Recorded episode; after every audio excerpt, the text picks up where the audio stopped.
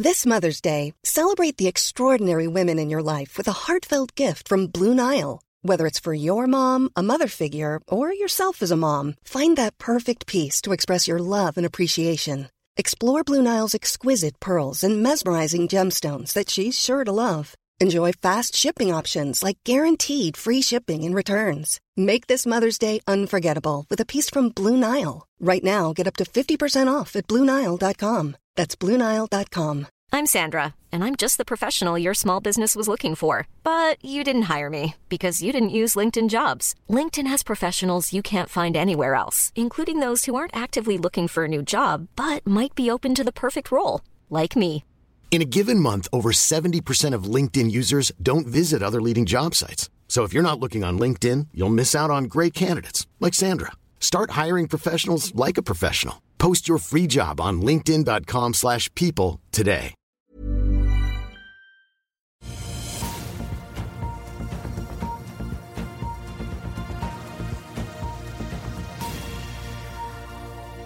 En riktig god morgen alle sammen, og velkommen til Børsmorgen her hos oss i Finansavisen. Mitt navn er Marius Lorentzen, og med meg har jeg Olav Gram Degnes på en regnvåt morgen her på Smestadammen i Oslo. Karl Johan har fridag. Kalenderen viser 25. august, og ja, det er fredag og snart helg idet markedsaktører verden over retter blikket mot Jackson Hole i Wyoming for å høre hva sentralbanksjefen i USA, Jerome Powell, har å si senere i dag.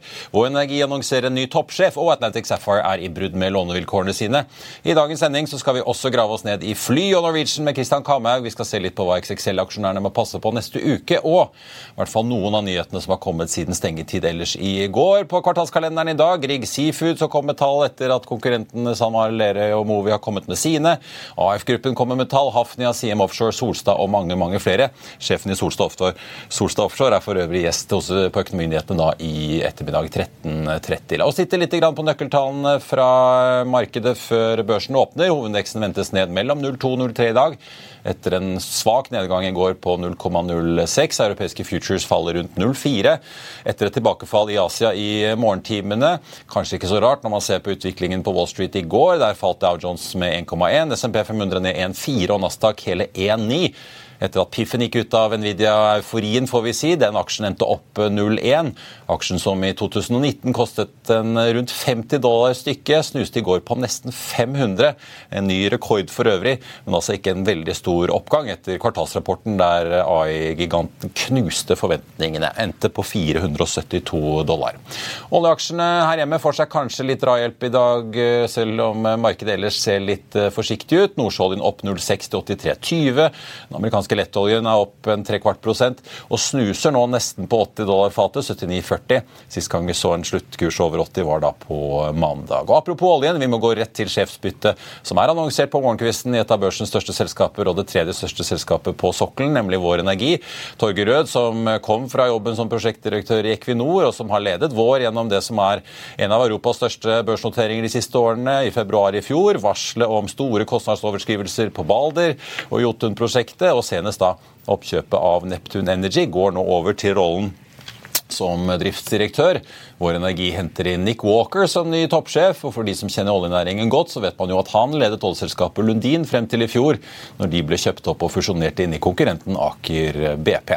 Ifølge styret i Vår Energi så er det i kjølvannet av oppkjøpet og for å oppskalere, diversifisere og styrke Vår Energi at man nå velger å gjøre sitat, visse endringer i ledelsen. Og for de ekstra politisk interesserte, som kanskje også rakk å komme seg ned til Arendalsuken i år, så er det en liten twist i historien her som vi kan ta med siden det tross alt er fredag. Mange husker jo DNs omtale av hvordan mennene til Erna Solberg og tidligere statsråd Toril Vidvei lagde lister over hvilke folk de ville ha erstattet i statlige styrer hvis Høyre vant valget. Noe som også ble et tema på partilederdebatten.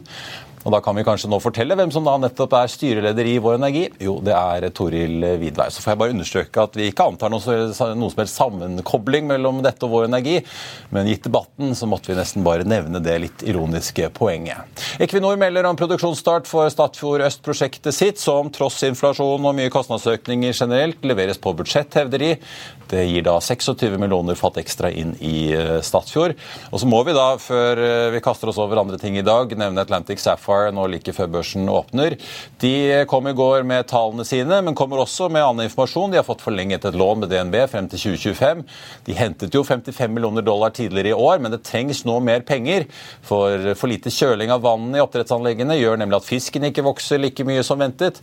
Og som de da varslet i august, gir det mindre inntekter også. Rundt 30 millioner dollar i kontanter fra driften varsler de nå. Det fører igjen til at de bryter minstekravet om å ha minst 15 millioner dollar i likviditet.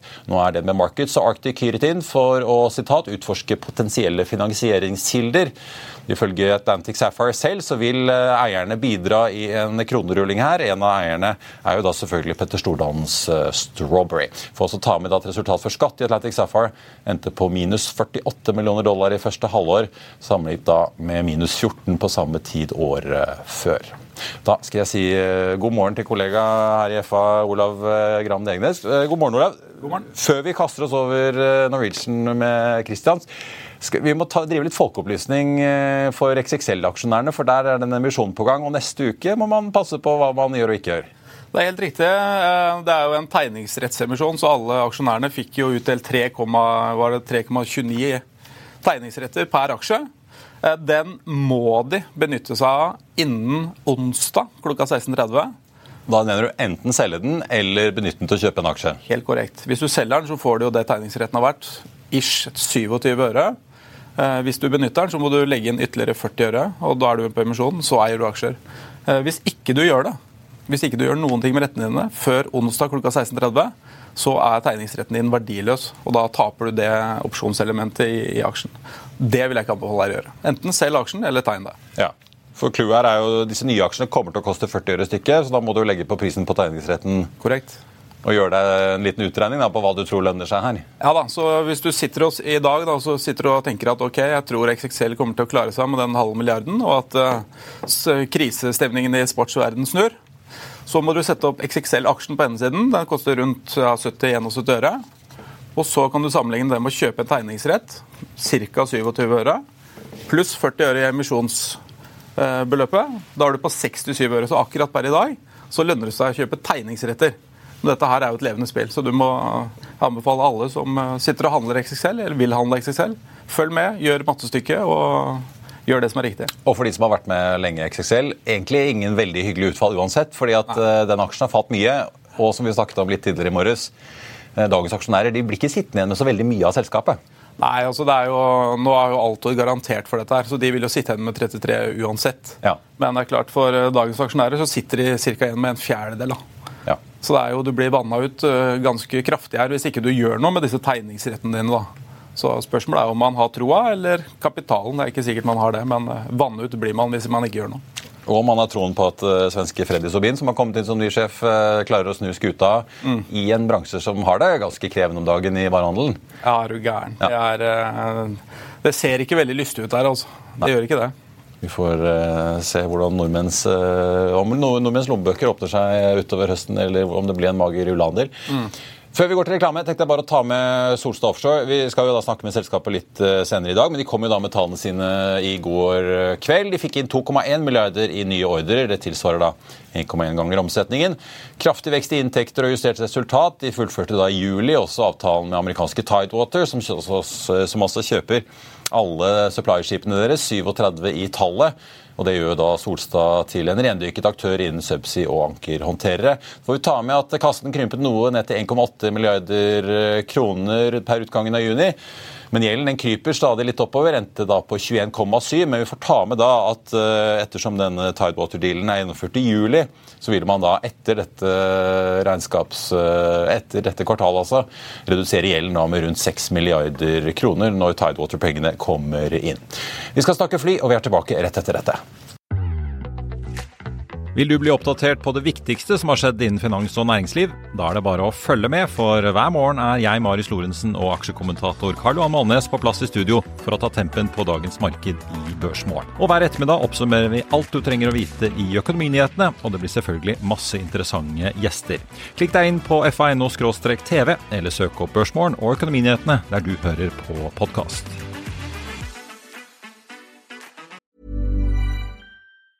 It's that time of the year. Your vacation is coming up.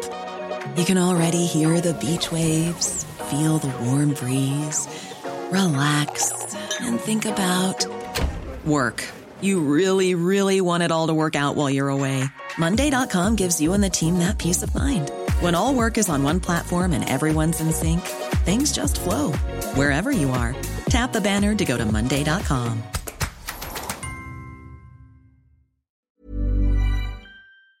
I'll see you in court.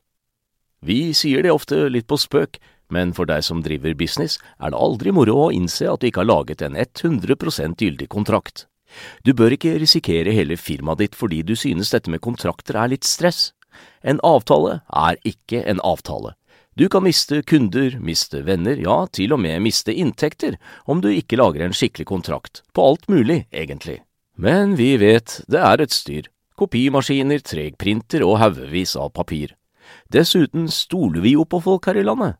Det er ofte litt kleint å skulle be om en signatur for alt mulig, ja, for mye av styret handler også om jakten på underskriften. Det finnes en enkel måte å løse dette på, Dukkobit, en trygg, effektiv og get this, gratis måte å sikre seg en god natts søvn pluss en juridisk bindende avtale. Dukkobit-appen har de strengeste sikkerhetskrav i bunn, samt en EU-godkjent og sertifisert teknologi. Framover vil det bli behagelig å spørre du, skal vi skrive under på det, eller? Kom i gang på dukkobit.no.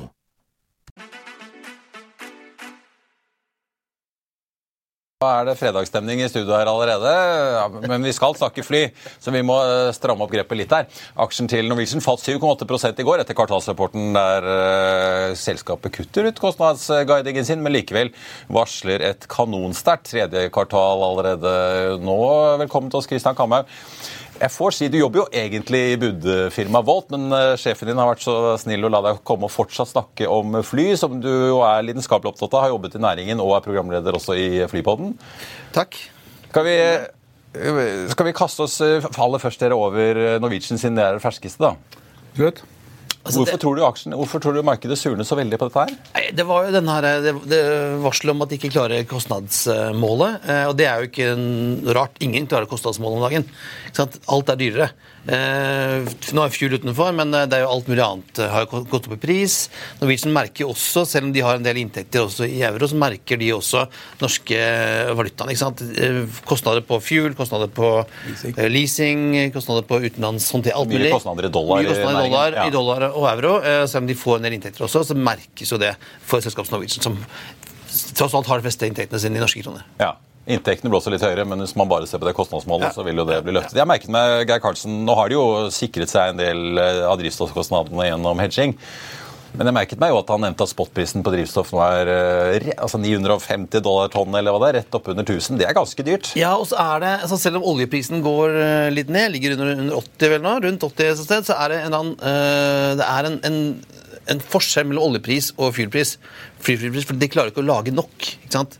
Det har vært problemer etter pandemien å få den produksjonen opp og gå. Det er derfor bl.a. Delta har sitt eget raffineri i størstatene. ikke sant? Var det, var det Geir Karlsen og Hans Jørgen Vipstad skulle hatt sitt eget raffineri? Da hadde De også De har penger til det nå. Det kan jo være de faktisk bygger det, for de har jo investert i dette e-fuel-selskapet oppe i, oppe i Mosjøen. Eh, og så har de jo nå veldig mye penger på bok. Eh, og det er jo en, eh, en, et luksusproblem når det er flyselskap å ha 10 milliarder på bok. Det er ikke, det er ikke alle som har. Så er det hedga på 750-800 også, da. Ja. Så, sånn sett så sitter de bedre. Det er 50 av Det er ikke helt spot, full spot-eksponert som de var under pandemien, eh, stakkars. Så tror jeg også at noen i markedet kan ha, ha har blanda Q4 og, nei, Q3 og Q2.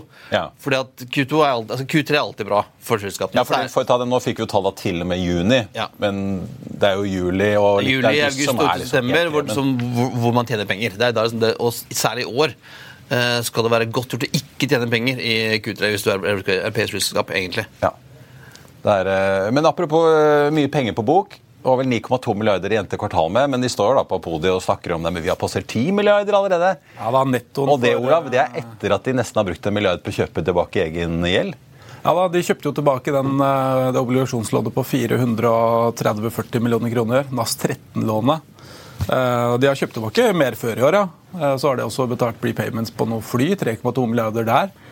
Så de har jo, jo 9,3 milliarder cash. Runda 10. Det er fordi i juli så må de netto ha tjent mer enn 1 milliard kroner. Bare i juli. bare i juli. Så det er klart, kutere, Q3, som Kristian sier, Q3 blir jo De sier jo også det blir fantastisk. Du får ikke Nobelprisen i økonomi for å gjette Nei, gjette nei, det? nei, absolutt ikke. Men um, uh, nevner jo kostnader også. ikke sant? Jeg hørte i går, jeg var jo der nede, så ble det jo litt prat om Kask. Kask fikk veldig mye fokus. Ja, for enhetskostnaden øh, enten med per eller uten fuel. Ja. Eh, og da ble det jo en liten diskusjon bedre vedrørende altså, for, for da sier jo disse Norwegian-folkene sier at vi kan sende fly i lufta, vi. Og bare la de svirre rundt, tomme. Og så får vi ned enhetskostnaden per settkilometer. Men da går vi også konk. Så um, dem, dem på en måte predikerte at se heller på om vi tjener penger. Og nå er vi kjempelønnsomme i andre kvartal. Vi kommer til å være kjempelønnsomme i tredje kvartal. Vi har masse cash i selskapet. Og så jobber de da sakte, men sikkert. De sitter, det eneste som holder igjen for et eventuelt utbytte nå, er jo denne retained claims. Eh, Det er jo disse her tidligere kreditorene som fikk eh, som fikk tilgang på en ny eh, låneklasse. da. Ja. Staten ble jo bl.a. konvertert inn i dette lånet fordi de i sin tid ga en garanti på 3 milliarder under pandemien, som gikk tapt. Ja. Og der er det jo eh, restriksjoner. NAS 13, det lånet de har kjøpt ut, det hadde restriksjoner på utbytte. Det hadde også dette GIEK-lånet på 132 millioner, som de også nå napper ut. Så er det dette retained claims, da, den siste på 3,2, eh, som de sier at de jobber med. Jeg tror ikke det blir noe utbytte i 2023. For det var jo altså, Nyheten i går, som i hvert fall Norwegian var opptatt av å få frem, var at de nå jobber med å faktisk kunne betale utbytter, som uh, har jo aldri skjedd før omtrent vel i Norwegians historie, så vidt jeg kan nei, huske. nei. Nei. Men uh, litt sånn uh, Litt tåkete på når det kan skje. Samtidig sier den nye finansdirektøren Hans Høge Vibstad at de vil få det til. Ambisjonen er så fort som mulig. Ja, det er klart Jon Fredriksen vil gjerne ha utbytte, vil jeg tro, men altså, selv ikke Ryanair, som er det mest lønnsomme flyskapet i verden, i historien, omtrent, betaler utbytte. Sant? Nei. Så Selv om det er mye penger nå, så er det ikke sikkert at dette over tid nei, det blir en en sånn utbyttegenererende maskin. Nei, og Det går jo veldig fort i flybransjen. ikke sant? Det gikk jo kjempebra i 2019, altså 20, starten av 2020, og så uh, tapte de jo alle pengene de hadde tjent de siste ikke, hvor mange årene. ikke sant? Så, så det har jo vært, og nå, nå har det, etter som vi kom ut av pandemien, så har de fleste begynt å tjene gode, gode penger igjen. Q2 har vært bra. altså I USA er det knall, der, der trykker de jo penger. Uh, men de vet også at det kommer Og de bruker det til å nedbetale gjeld, primært. Ja. Ja? Det kommer, det kommer en morgendag. Eh, og vi ser også i, US, i Europa, i Lufthansa, IAG, i Air Baltic selv, Finner, eh, hadde jo positivt eh, Q2. Så det, det, det ser bra ut, men eh, plutselig smeller det. Ja. Det vet vi. Jeg spurte jo i går hvor mye cash trenger du for å være trygg gjennom vinteren. Det er klart, Nå skal de jo sette 30-40% av kapasiteten på bakken gjennom vinter. Bruke en milliard på å kjøpe videre. Drøyt. Nettopp. Ja. 1,1 er det vel også. Så, men det var, det var ikke noe svar på det spørsmålet. Så at det blir utbytte i år Knappast. Eh, Hva skjer i 2024? Med, Rentetoppen kommer jo nå i oktober for eh, Ola og Kari Nordmann. Hvordan slår det på etterspørselen? Vi får uh... Ja, for det er en store Foreløpig sier de ikke det er noe tegn til at reiselysten avtar. Uh, Men de har jo, er jo åpne på, som alle andre flyselskaper, at de har ikke noe særlig visibilitet og innsikt i trafikken fra november og utover. For da folk bestiller ikke egentlig så lang tid i forveien øh, i noe særlig skala. Ja, Det har jo endret seg siden jeg satt og styrte priser i SAS eh, for en eh, 10-12 år siden. Så har jo uh, booking, folk booker jo mye mye nærmere. Ja. Sant? Eh, det gjør at man kan ikke guide på samme måten som før. Man vet ikke hva man har i pipeline. Eh, og sommeren eh, Nordmenn sparer penger, skal liksom kutte i kostnadene sine. Men en ting nordmenn ikke kutter på, er jo sommerferien sin. Vi skal til Syden for at det regner. Nissa, Malaga og Tenerife, det går. Det går, ikke sant? Ja. Men uh, jeg er litt uh, spent på hva som skjer på høsten. Uh, den der eh, helgeturen til Praha og shoppingturen til London og jenteturen til Paris. Jeg er litt usikker på om den kommer til å gå gjennom eh, familiens budsjett i år, altså. Men det har jo, altså fly og reiseliv har jo vært eh, overraskende seige i en tid der altså rentene har jo, Det er jo lenge siden de begynte å øke og folk begynte å merke press og inflasjon. og Det virker som reis... altså Man kuttet jo på sykler og ting på XXL lenge før man begynte å kutte Ja. på flybilletter. Men som sagt, jeg tror det, Den sommerferien er heldig for, for nordmenn. Der skal vi reise, der skal vi på tur. Folk har jo vært på både én og to og tre sydenturer. Men eh, det kommer til å bite nå til høsten. At eh, den der ekstraturen kommer til å man kommer til å regne på den. Og, og næringslivet også begynner å kutte på sine reiser. Så jeg tror det er smart av, eh, av Norwegian å være litt, litt, litt forsiktige når vi kommer utover til eh, høsten og vinteren.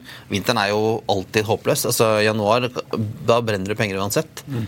Så det er smart hvis de klarer nå, hvis de har den fleksibiliteten på Særlig på, på, mm, på cruise-siden, at de kan dra ned nå en 30-40% i januar-februar, så er det en måte for å spare masse penger. Ja, for det er litt mer eh, vinteren som var, så var det vel rundt et fjerdedel 30% i kuttet. Nå sier de 30-40% av kapasiteten skal bort i vinter. Men eh, ting har jo snudd litt mellom SAS og Norwegian. Da, fordi at eh, Norwegian opp gjennom årene har måttet leie inn masse fly om sommeren for å få ting til å gå rundt. Uh, Langdistanse var et helt eget kapittel pga. problemer, men også i Europa. Eh, nå står Geir Karlsen og sier at vi har ikke leid et eneste fly i sommer. Men snakker du med folk som har vært rundt med SAS, så det, da er det mye erstatningsfly og Ja, ting det- som på en måte ikke funker, og åpenbart er ekstrakostnader for SAS. Ja, jeg fløy med Air Baltic hjem fra Paris i sommer, er, men det fungerte veldig bra. Men det er jo eh, som sier, det er interessant at de gjennom årene har som, uh, ikke hatt nok kapasitet. Jeg tror det kan ha vært bevisst også, for at uh, all den kapasiteten du har om sommeren, hva, den må du gjøre, med, gjøre noe med på vinteren. Eh, så jeg tror, jeg er veldig spent på hvordan de klarer å få dratt ned, for at du har da en dress som passer til sommeren, men den blir altfor stor til vinteren, og det kan være utfordrende. Ja. Og Der er jo det største problemet til SAS. da. Når dere har 132 fly, og så ender du opp med å leie og, og dra inn masse wetleaser. Ja, for det er jo ironien her. Norwegian har jo 81 fly, skal til 91 neste sommer, sier de netto. da, De kan justere litt avhengig av leasingavtaler. så de kan jo, Men i hvert fall nå ser det ut til at de øker med 10. Færre fly, men de klarer seg uten innleie. Så Det må jo ha vært et eller annet som har klaffet for Norwegian på, Ja, da, på crew, jo- crew og pilotsiden versus SAS i sommer? Ja, det er jo det de sier, at uh, det har vært avganger fra bl.a. piloter og, og, og cabincrew. Og så har de ikke klart å trene opp nok cabin crew da, inn til høysesong. For meg så høres det jo helt merkelig ut at det skal være mulig i et selskap som sitter så, i en så knallhard finansiell spagat.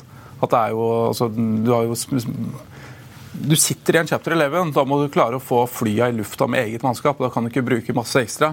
Og så er det en Ja, ting... SAS, altså, for De kommer jo med tallene sine neste fredag, får vi se om en uke. For Det er jo én ting som er kjempeinteressant, syns jeg, og det er eh, punktligheten i Norwegian og punktligheten i SAS.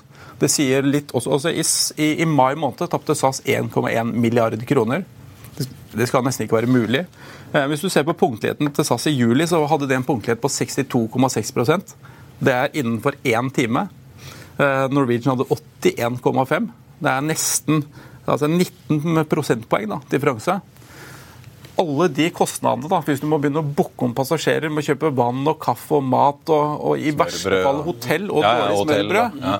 Altså det, det regner en million vet du, per flight. Så når du har da 40% av 38 av flyene dine ikke er punktlige, så mister du også det business-segmentet. Så alle de som skal i et møte i Stockholm eller London, stoler ikke på SAS lenger. For nå, jo, nå må jeg sitte en time på tarmac og vente, eller at det er to timer delayed, så jeg rekker ikke møtet, så jeg må ta et enda tidligere fly. Da kanskje de velger andre flyselskaper. Det viser tallene, i hvert fall. Antyder tallene. Kristian, eh, nå jobber jo Norwegian Det er jo nesten så de eh, ikke er så rendyrket lavprisselskap lenger som de var. Vi kan jo bare dra den at SAS har jo i mange år før pandemien riktignok, men etter den forrige krisen i 2012 klart å tjene godt med penger. Kostnadene har vært langt over Norwegians, men inntjeningen har jo vært eh, desto høyere. De har klart å få den 50-lappen, 100-lappen ut av folk i Equinor og Hydro og Schibsted som reiser rundt sant, på møter. Nå øh, er Norwegian veldig åpne på at de går rett på næringsdrivende og folk i næringslivet. Og også at de har klart å få gilden sin, altså inntjening per passasjerkilometer, over en krone for første gang. vel.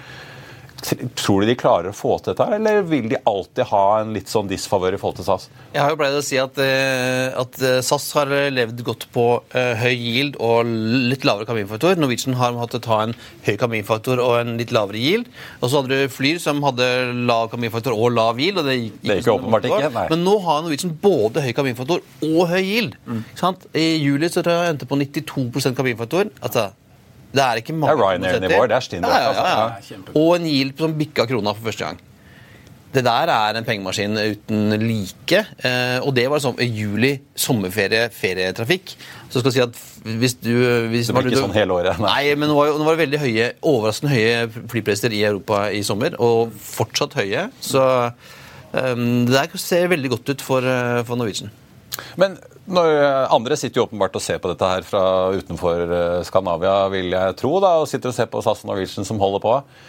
Denne uken eh, var plutselig Michael O'Reilly, etter at han hadde sendt en av undersåttene sine tidligere i år for å kjefte på danskene og de som driver Kastrup. Nå kom han og lanserte at de skulle gjenåpne basen sin på Kastrup, sette i hvert fall i første omgang to fly der. De flyr jo også til Gardermoen. Det er ikke bare Torp og i sin tid Rygge lenger. Men Geir Karsten virket verken overrasket eller veldig bekymret over Ryanairs uh, opprustning.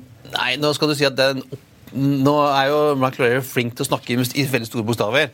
Eh, og det at han også åpner, opp, gjenåpner basen, som de stengte vel i Skulle sagt 2017 den var ny, den var strengt tatt gjenåpnet. Sant? Eh, og setter han inn to fly på base. I Stockholm har de fem-seks fly.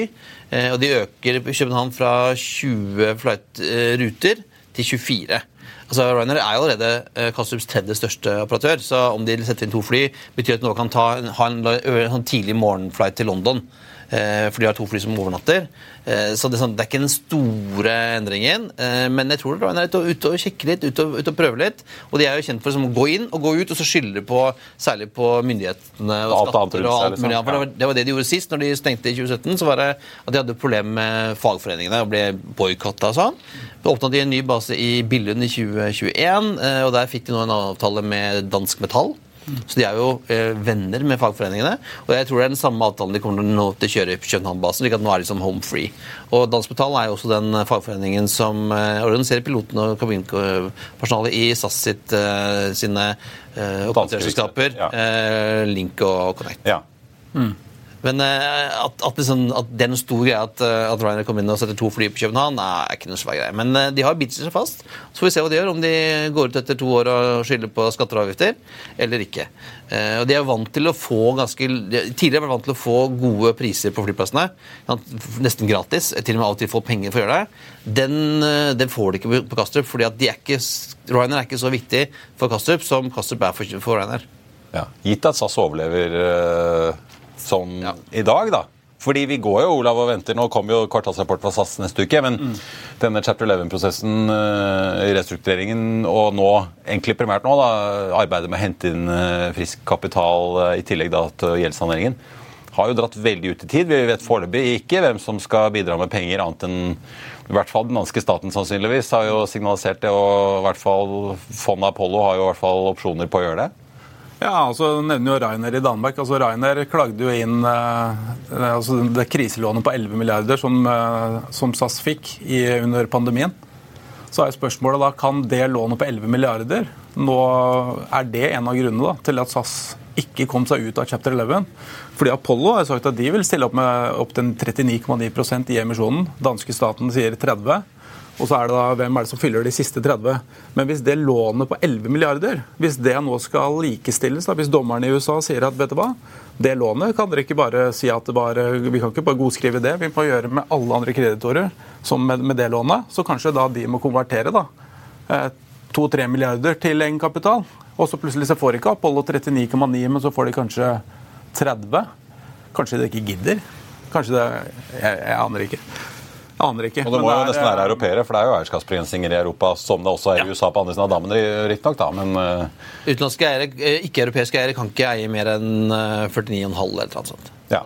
Så Apollo, som jeg antar kanskje klassifiseres som amerikanske, selv om de har London-kontor. Ja, de prøvde seg på den med at de hadde masse europeiske investorer, men jeg vet ikke om de kjøper seg akkurat den. Du, til slutt, dere, Skal vi snakke litt om, eh, om fly-fly, holdt jeg på å si? Fordi eh, nå har jo Norwegian sagt vi får se, da. Men hvis de får kjøpe videre, så får de jo en svær flåte med masse PL-fly. De får tre regionalfly som, jo, som er litt mer moderne, riktignok, men ligner veldig på det SAS har kjørt opp i dette Link regionalselskapet sitt, eh, hvor de kniver med videre ut fra Bergen, og som passer på å holde frekvensen oppe på litt tynnere ruter og holde bedriftskundene happy. Eh, samtidig som Bjørn, nei, Geir Karlsen i går eh, åpent snakket om at de vurderer å kjøpe maks 10, altså dette aller største 737-flyet som ikke bare har plass til 188-90, men 225 passasjerer. Veldig hyggelig når du skal fly til Nisamalaga Malaga i juli, men går dette resten av året, tror du, Kristian? Det er jo eh, en, en, et knepp opp. Uh, og du kan, som sagt, du kan fylle den, den til, eh, til Syden any day mellom uh, ju- juni Mai og september, liksom, juni, ja. Men, men det er det Skal du skal du fylle resten av året? Sant? Eh, Jeg vet ikke helt om det går an. Og man har jo ikke så lang rekkevidde. Du kommer liksom ikke Hva du sa?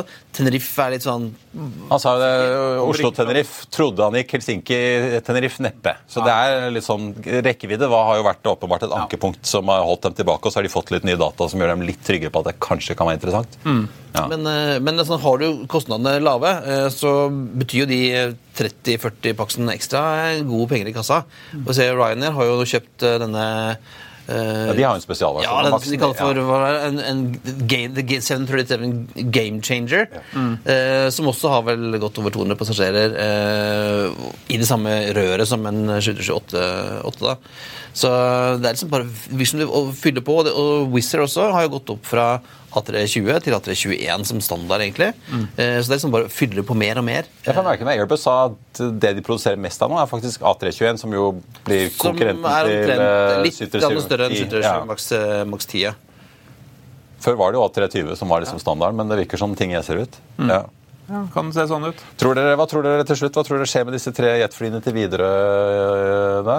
Blir de skjøvet ut, eller tror dere Geir Karlsen vil bygge opp en konkurrent til SAS Link? Jeg tror det er vanskelig for videre å fortsette med den operasjonen. For veldig mange av de rutene hvor de fløy de på, er jo ruter som Norwegian kunne fly med sine 737. Bergen, Trondheim, Tromsø, Ja, Bergen, London. ja, og Syden eh, og det sånne ting. Jeg, ser liksom ikke helt uh, hvordan Embraerne kunne passe i, i den nye konstellasjonen. Jeg tror at en del av de tingene som den de fløy i fly i dag, vil Norwegian kunne ta eh, med lavere kostnader og flere seter. Vi får jo se, Olav. Eh, Geir Karsten har jo signalisert at de kanskje tror de får en avklaring fra konkurransemyndighetene i løpet av en drøy måneds tid. Så da får vi kanskje i løpet av ikke altfor lenge også kanskje se noen planer da, for hva de har tenkt å gjøre med videre utover å by på fotruter. Ja, vi får se, da. Det får jo svar på den tenneren nå i løpet av jeg tror midten av september. Ja. Som de håper å ha svar. Kristian Kamøy, tusen takk for at du kom til oss, og god helg. Like måte. Og lykke til med leveringen av maten i helgen eh, hos kollegaene dine, får vi si. Hafnia-gruppen som er ute med tall i dag, ned 1,7% men interessant nok nest mest omsatt på Oslo Børs rett bak Equinor og foran Norwegian, som ser ut til å få en ny sur dag på børsen, ned 2,7 nå fra start. Ellers er Grieg Seafood eh, som har kommet med tall, opp drøye prosenten. Solstad ned 3,5, AF-gruppen så vidt i pluss med en oppgang på 0,2 på en børs som starter opp 0,2. Ser foreløpig ut da, til å gå eh, motsatt retning av værmeldingene. Jeg får bare ta med AF-gruppen. Da Fikk et resultat før skatt på 292 millioner, ned fra 426 på samme tid i eh, fjor. Og så får vi også ta med Grieg Seafood, da, som er sistemann ut av alle laksegigantene denne uken. De fikk et justert resultat på 547 millioner, nesten en halvering fra samme tid i fjor. Det var ventet da rundt 500. For 2023 så ser selskapet nå et slaktevolum på 78 000 tonn. Det er en liten nedjustering fra tidligere guiding på 80 blank. Hafnia altså. Et resultat på 262 på driften i andre kvartal. Det er omtrent eh, litt ned, da, men det er ikke så langt unna hva de fikk i første kvartal. Eh, får jeg jo da ta med på slutten. Så er det Siem Offshore. Fikk et resultat på 29 millioner dollar andre kvartal, opp fra 16 i samme periode året før. Så får vi ta med Frontline også, som leverte bedre enn ventet i går. Tankrederiet tar, blir nå nedgradert faktisk fra Deutsche Bank fra kjøp til hold. Kursmålet er uendret på 17 dollar. Pareto tar og oppjusterer sitt kursmål fra 22 til 250 kroner og gjentar sin kjøpsanbefaling. De har jo veldig troen på at tankmarkedet skal holde seg bra utover høsten. Aksjen steg i går nesten 7% til 197. Og Det var børsmålen for denne fredag 25. august. Husk å få med deg Økonominyhetene klokken 13.30. Da får vi med oss Lars Peder Solstad i Solstad Offshore. Og Så er vi tilbake igjen her med børsmålen mandag 08.55. I mellomtiden så får du siste nytt på fa.no. Tusen takk for følget så langt denne uken. Ha en riktig god helg, og så ses vi igjen på mandag.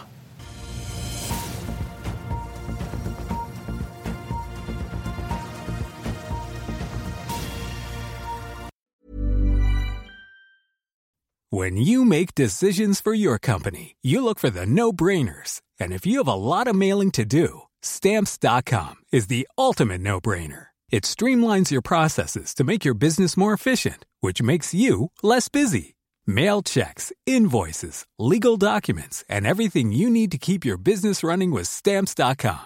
Seamlessly connect with every major marketplace and shopping cart. Schedule package pickups and see your cheapest and fastest shipping options from different carriers with rates up to 89% off USPS and UPS rates. And with the stamps.com mobile app, you can take care of mailing and shipping wherever you are. Make the same no-brainer decision as over 1 million other businesses with stamps.com. Sign up with Code Program for a four week trial, plus free postage and a free digital scale. No long term commitments or contracts. That's Stamps.com. Code Program. Økonominyhetene er en podkast fra Finansavisen. Programledere er Marius Lorentzen, Stein Ove Haugen og Benedikte Storm Bamvik. Produsenter er Lars Brenden Skram og Bashar Johar. Og ansvarlig redaktør er Trygve Hegnar.